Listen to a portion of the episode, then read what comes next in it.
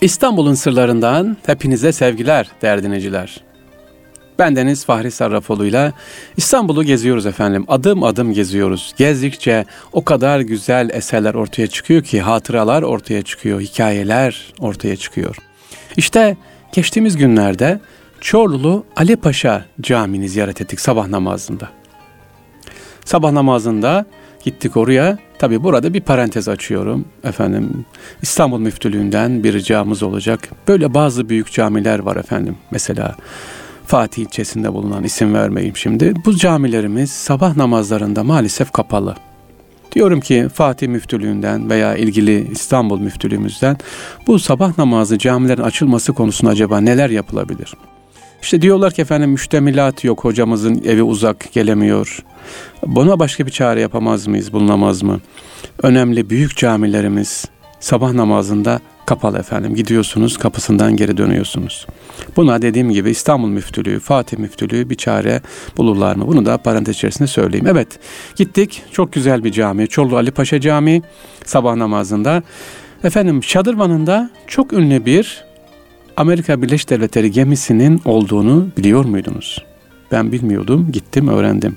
Evet, bu caminin şadırvanında bir gemi var efendim. Geminin ne işi var şadırvanın tepesinde demeyin, hikayesi bir o kadar ilginç ve hüzünlü. Ayrıca keşke bu ünlü gemiyi biz buraya koymasaydık da müze yapsaydık diyebilirsiniz. Şu anda ne güzel olurdu. Şu an İstanbul'un en çok ziyaret edilen yerler arasında yerini alacaktı efendim. İşte Çorlu Ali Paşa Camii ve bu geminin hikayesini sizlere anlatıyorum. Değerli dinleyiciler, İkinci Dünya Savaşı'nın en korkunç ve ses getiren olaylar arasında yer alan Pearl Harbor saldırısında 7 Aralık 1941 günü Amerikan güçleri 12 savaş gemisi ve 188 savaş uçağı kaybeder. 2400 Amerikan askeri ölür. Yani limanda bulunan Amerikan savaş gemilerinin hepsi hasar görür. Yalnız bir gemi hasar görmez. Bu da hastane gemisi olarak kullanıldığı için Japonlar buraya bilerek saldırı yapmazlar. Bu gemi 25 bin Amerikan gencini savaş bölgelerinden Amerika'ya taşır. Savaş sonrasında ise bu geminin ismi Solace yani teselli gemisi olur efendim. Amerikalı gençler bir dernek kurarlar ve bir madalya yaptırırlar. Madalyanın üzerinde Solens gemisinin resmi bulunur ve bu madalyaları takmaya başlarlar. Peki Amerika Birleşik Devletleri bu gemiyi niye Türkiye'ye sattı diyeceksiniz. Amerikan devleti geminin bu kadar ünlenmesinden daha doğrusu bu saldırının hatırlanmasından rahatsız olmuştu. Bu baskının unutulmasını istiyordu. Solens yani teselli gemisini yok etmeye karar verirler. Ancak sapasağlam gemi nasıl yok edilecek? Başça çözüm olarak geminin uzak bir ülkeye satılması veya makyajının değiştirerek başka bir amaçta kullanılmasına karar verilir. Çünkü Amerika'da gemi savaş karşıtlarının bir simgesi haline gelmektedir. Teselli gemisi Türkiye'ye satılıyor efendim. Evet 1948 yılında Türkiye'ye yolcu gemisi olarak satılıyor bu güzel gemi. Aynı yıl yapılan tadilatlar sonucu birçok kameralı bir turist yolcu gemisi haline sokulur. İsim olarak ise Ankara ismi verilir. Uzun bir yolculuktan sonra Türkiye'ye getirilir ve getirilir ama onun da kaderi daha sonra ne olur? Sökülmek olur efendim. Ekim 1977 tarihinde gemi sökülmek üzere Haliç tersanesine yanaştırılır. Tüm güvertüsü söküldü, kesilip ayrıldı. 1979 yılında ise bir römorkör eşliğinde İzmir tersanesine çekilerek götürüldü. Ha bu arada ne oluyor tabi? İstanbul Kasımpaşa cami altı tersanesi yanında bulunan ve 1776'da Sadrazam Çorlu Ali Paşa tarafından yaptırılan Çorlu Ali Paşa Camisi'nin çatıdaki onarım sırasında kullanılan kaynak nedeniyle büyük bir yangın çıkar ve hasara neden olur. 1980 yılında caminin restorasyonuna başlanır. Deniz kuvvetlerine bağlı Haliç Tersanesi yakınlarındaki caminin onarımı tamamlanır. Ancak şadırvan kısmın onarımına sıra geldiğinde şadırvan çatısının kurşun bölümünün yenilenmesi gerektiği anlaşılır. İyi de o yıllar 80 yılları hani deliyor ya bir 70 sente muhtaç olduğumuz yıllar kurşun yok dışarıdan ithalide o dönemde kolay değil tabii. Kurşun bulunamıyoruz. Kıtlık yılları dediğimiz gibi Etibank dahi kurşun talebini geri çevirir. İzmir Ali Ağa Tersanesi'nde römorkör eşine getirilen bu Ankara gemisi tamamen sökülerek jet olmayı beklemektedir. Ali Ağa Tersanesi'ne görevli emekli bir asker geminin mazisini geminin bir hastane gemisi olarak kullanıldığını bildiğinden ki o dönemde çoğu insan bu geminin bu özelliğini tamamen unutmuş. Geminin içinde kurşun bulunabileceğini düşünerek efendim İstanbul'daki sökümde dokunmayan gemi duvarlarını araştırma yapar ve röntgen odasında duvarlarında kurşuna rastlar. Duvarlar söküldüğünde röntgen odası olarak kullanılan yerin duvarlarının radyasyondan korunmak için tamamen kurşun kaplanmış olduğunu görür. Hem de ihtiyaç kadar kurşun var orada. İstanbul Haliç Dershanesi'ne haber verilir ve buradaki görevler gelirler. Hayretler içerisinde Ankara gemisinin daha önce röntgen odası olarak kullanılan kamerasının odasının duvarlarında kurşun levhalar sökerek İstanbul'a götürülür. Ve Çorlu Ali Paşa Camisi'nin şadırvanının çatısı bu kurşun levhalara kaplanarak restorasyon çalışmaları tamamlanır. İşte hikayemiz böyle. Yani Çorlu Ali Paşa Camii'nin çadırvanındaki o kurşunun hikayesi nereden geliyor? Amerika'dan. O teselli gemisi Ankara gemisi oluyor. Daha sonra sökülüyor ve söküldükten sonra kurşunları bir caminin şadırvanına geliyor. Peki diyeceksiniz keşke bu gemi sökülmeseydi. Gönül istiyor ki keşke bu gemi sökülmeseydi de bu gemiyi gel, görmeye gelenler sayesinde sadece ABD değil Japonya'dan da bile buraya akın akın turist kafileleri gelirdi. Peki bu geminin parçalarını e, bari bir kısmını görebilir miyiz? Bugün var mı? Var mıdır? Evet İstanbul'da gemiden kalan başka parçalar derseniz evet var. Denizcilik işletmelerinin Tarih ve Sanat Müzesi'nde sergilenen geminin dümeni ve İstanbul Kasımpaşa Haliç Tersanesi'nde bulunan Çorlu Ali Paşa Camisi'nin çadırmanın çatısını görebilirsiniz. Sevgili dinleyiciler. Aa, bu arada unuttuk mu? Unutmadık. İyi güzel camiyi anlattık da e, Çorlu Ali Paşa Camii'nin şadırvanındaki özelliğine bir geminin e, den sökülen kurşunlarla yapıldığını anlattık. Peki Çorlu Ali Paşa kim? Çorlu Ali Paşa Camii'nin özelliği neymiş? Kısaca ondan da bahsedelim sevgili dinleyiciler. Efendim Çorlu Ali Paşa Camii İstanbul Boğazı'nın Rumeli yakasında Kasımpaşa Camii Kebir Mahallesi Taş Kızak Caddesi Cami 6 Dershanesi diye geçiyor. 1707 tarihinde inşa edilmiş. Cami Sadrazam Çorlu Ali Paşa tarafından yaptırılıyor. Daha sonra Sultan II. Mahmut tarafından tamir ediliyor ve son olarak da 2. Abdülhamit tarafından yeniden cami yaptırılıyor. Ee, bu arada yapı yeniden tamamen dediğim onarılıyor. 1970 yılında betonörme olarak camimiz yeniden inşa ediliyor. Duvarlar kesme taşıyla yapılmış, havası verilmiştir. Yapının kubbesi kaldırılmış ve düz bir ahşap çatı inşa edilmiş. Yapımız kare planlı, camiye son cemaat yerinden giriliyor ve birazca yükseklikte bir cami. Bütün duvarlar yerden tavana kadar çinlerle kaplı olan mavi hakim bir camimiz zaten girince ne yapıyorsunuz görüyorsunuz. Peki Çorlu Ali Paşa kim? Biraz da ondan bahsedelim. Çorlu Ali Paşa sevgili dinleyiciler 1670 yılında doğan, Çorlu'da yetişmiş bir yerleşmiş bir çiftçi ailesinin oğlu. Sultan II. Ahmet devri Kapıcı bası, başı Türkmen e, Karabayram Ağa'nın evlatlı olarak önce Galatasaray'ına daha sonra Enderun Humayun'daki seferli koğuşuna buradan da Hane-i Hass'a yerleştiriliyor. Şubat 1699'da rikaptarlık hizmetinde bulunuyor. Sadrazam Amcazade Hüseyin Paşa da kendisinden bizzat silahtarlık rica ediyor ve devlet görevine 1700 tarihinde başlıyor. Silahtarlığı Sarayhüman'daki üst dereceki görevleri ilerliyor efendim kendisi. Özellikle Çorlu Ali Paşa yavaş yavaş başarı basamaklarını tırmanıyor. Fakat her dönemde olduğu gibi bu dönemde çekememezlik başlıyor. İstanbul'daki cebeci ayaklanma sırasında Çorlu Ali Paşa vezirlik rütbesiyle saraydan uzaklaştırılıyor. Sultan 3. Ahmet'in vezir olmasından sonra 3. vezir olarak Edirne'de kalıyor. Halep valiliğine tayin ediliyor Çorlu Ali Paşa'mız. E, Baltacı Mehmet Paşa'nın yerine daha sonra da sadarete getiriliyor. Ve ilginç bir efendim detay daha verelim size. Çorlu Ali Paşa 1708 yılında 7 yıldır nişanlı bulunduğu Sultan II. Mustafa'nın kızı Emine Sultan'la evleniyor. 7 yıllık nişanlılık ya 1708'de evleniyor ve damat oluyor efendim. Çorlu Ali Paşa sadrazam olduktan sonra devletin mali işleri ilgileniyor ve saray masraflarını kontrol altına almak istiyor. Tersane ve donanmaya önem veriyor. Toplar döktürüyor. Askeri ocaklarda düzenlemelerde bulunuyor. İsveç Rus Savaş sırasında İsveç'i Ruslara karşı desteklediği için ki amacı burada e, Rusların zayıf düşmesini sağlamaktı. Dönemin padişahı ve idareciler tarafından efendim sürülüyor. Daha sonra da görevden azlediliyor. Bir gün sonra da kefeye sürülüyor. E, Çorlu Ali Paşa sadrazamken Sinop'a sürdüğü Şeyhülislam Başmaçlıkzade Seyyid Ali Efendi'nin fetvasıyla 1711 tarihinde idam ediliyor efendim.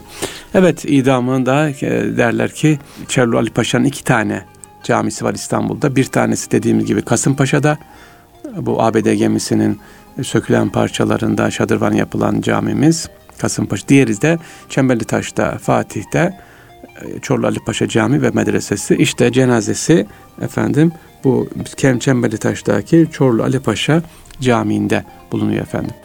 Sevgili dinleyiciler İstanbul'un sırlarında ilginç bir cami anlattık yine sizlere. Çorlu Ali Paşa Camii'ni anlattık. E, camimizin özelliği de dediğimiz gibi e, bu camimiz diğerlerinden oldukça farklı. Çünkü Amerikan gemisinden sökülen parçalarla yapılmış olan bir e, cami burası. Evet İstanbul'un sırları devam ediyor. Bakalım sırada ne var efendim?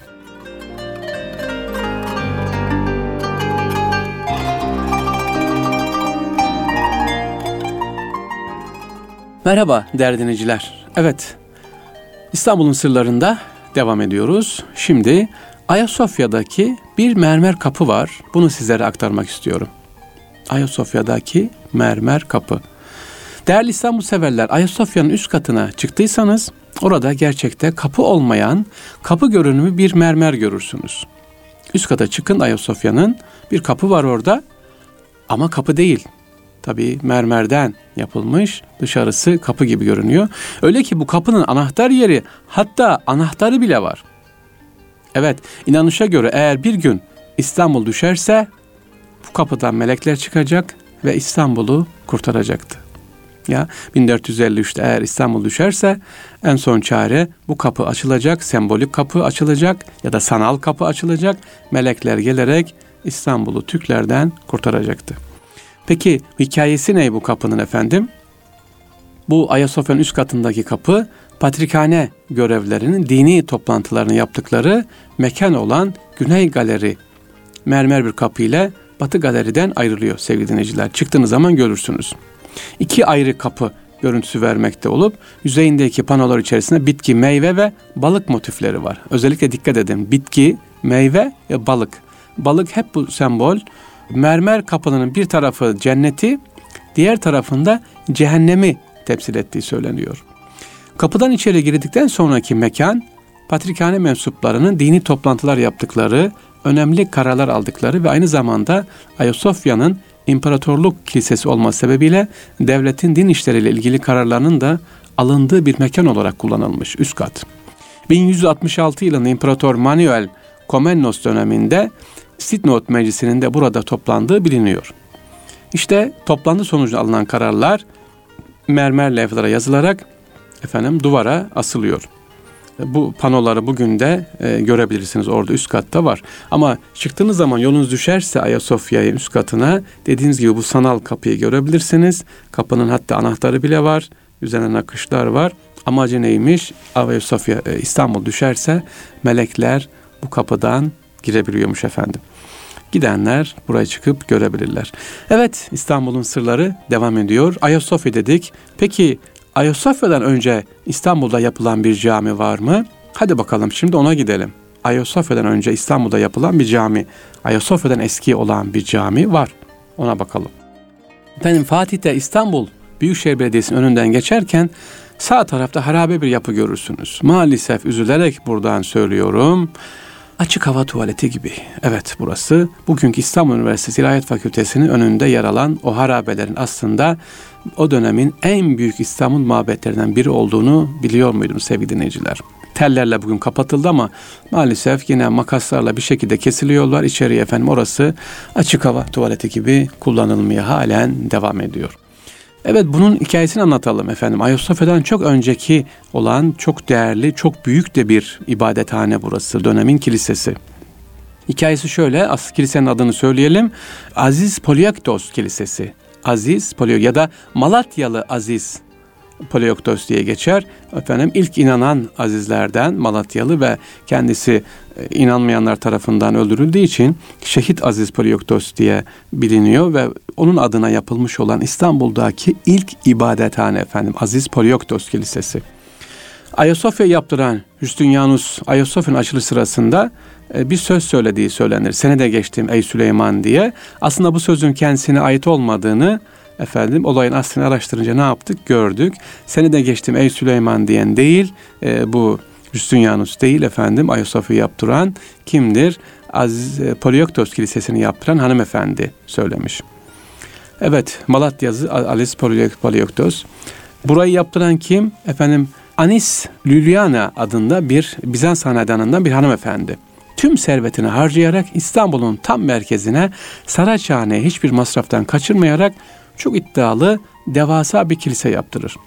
Bu çok iddialı kilisenin mimarisinde tavus kuşu motifleri, cam ve taş kakmalı sütunlar, yaldızlı mozaikler ve İran Sesan etkisindeki bezemeler özellikle dikkat çekiyordu efendim o dönemde.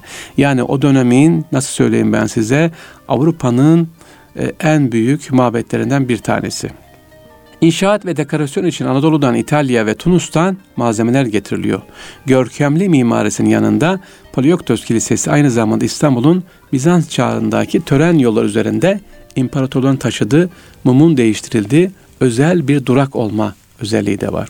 İşte bu görkemli binanın açılış sırasında kiliseyi yaptıran ve Rum asillerinden olan Anika ellerini havaya kaldırıp Kudüs'teki Süleyman mabedini kastederek seni de geçtim ey Süleyman dedi.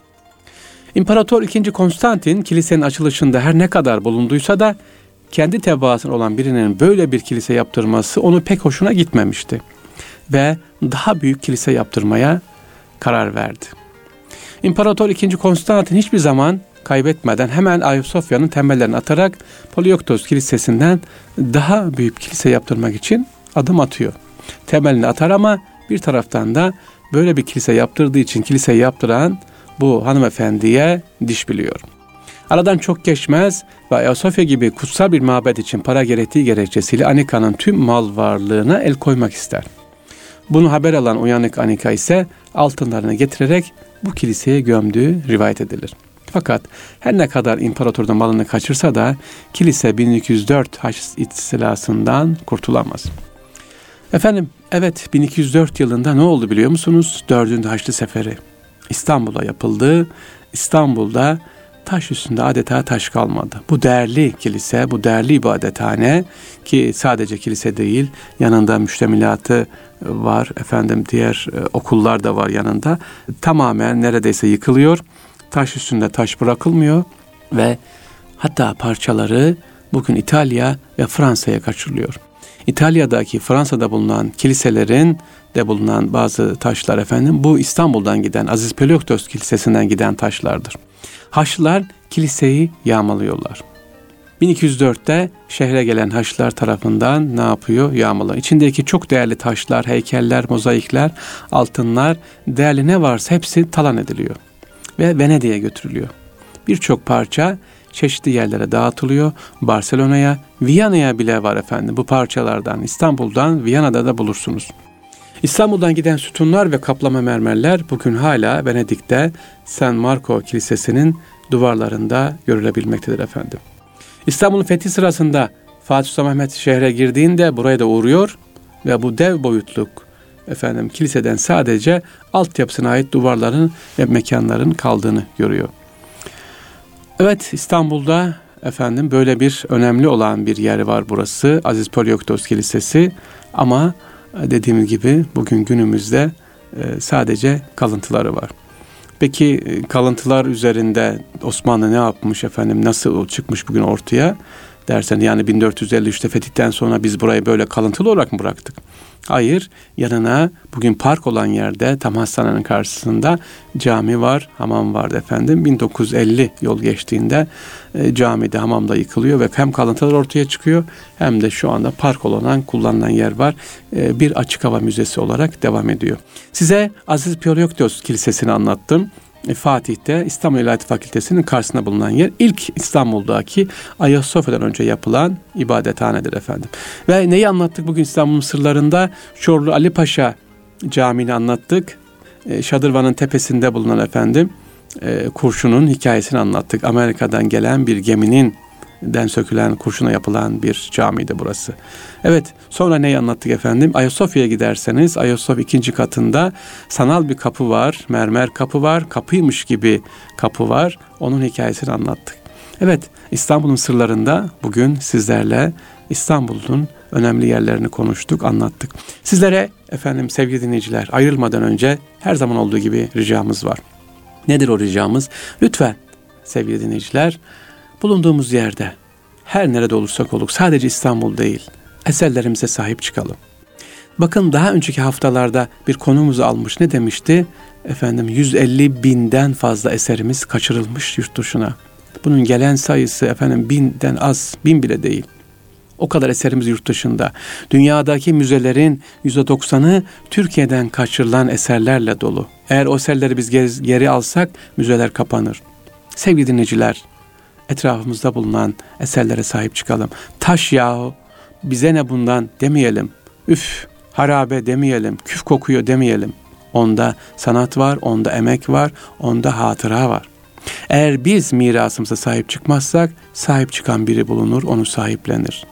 O zaman iş işten geçer. Ve ikinci ricamız sevgili İstanbullulardan ricamız efendim kaldırımlarda sokaklarda görüyoruz ağaçlar var. Bazı ağaçlar arabaların park etmesi yüzünden kırılıyor efendim. Gördük bunları, fotoğrafladık. Fatih Belediye Başkanımız ilettik sağ olsun ilgilendi. Kaldırım araba park ederken bile bile o kaldırımdaki ağaçlar sökülüyor. Ağaç kesen baş keser deme Allah korusun. Zarar görür. Zarar vermeyelim efendim kaldırımlar hele hele insanların geçtiği, engelli kardeşlerimizin geçtiği yolları, arabaları park etmeyelim. Bu da bir İstanbul'un gereğidir. İstanbul'da yaşama sanatının bir özelliğidir sevgili dinleyiciler. Ve diğer bir ricamız, son ricamız efendim. Sorularınız varsa, benim görmediğim, bilmediğim yerlerde eserler varsa inşallah bunları da bizlere söyleyebilirsiniz. sarrafoglu.fahri.gmail.com adresine gönderebilirsiniz. Bu arada teşekkür ediyorum. Bir dinleyicimiz, bilmiyordum ben, Büyük Çekmece'de Mimar Sinan'ın yaptırmış olduğu Sokulu Camii'ni ve minaresinden bahsetti. Efendim geçtiğimiz pazar günü pazar sabah erkenden kalktım gittim ve gördüm. Evet Büyük Çekmece'de Mimar Sinan'ın yaptırmış olduğu köprü var duruyor hala ayakta elhamdülillah. Büyükçekmece Belediyesi'ne teşekkür ediyoruz bu arada. Güzel bir park yaptırmış oraya efendim. E, minaresi var duruyor orijinal bir minare ve Sokulu'nun yaptırmış olduğu cami Kanuni Süleyman Çeşmesi, Ziketvar'a giderken yaptırılan çeşme. Çok güzel bir yer. İnşallah bunun da hikayesini bir sonraki programda anlatacağım efendim. Mimar Sinan'ın yaptırdığı köprü Büyükçekmece'de çok özel camisi, Sokulu Cami ve minaresi ve Kanuni Süleyman'ın yaptırmış olduğu çeşme, Ziget var çeşmesi orada. Evet e, inşallah Allah nasip ederse sevgili dinleyiciler haftaya tekrar görüşmek üzere. Allah'a emanet olun, esen kalın efendim.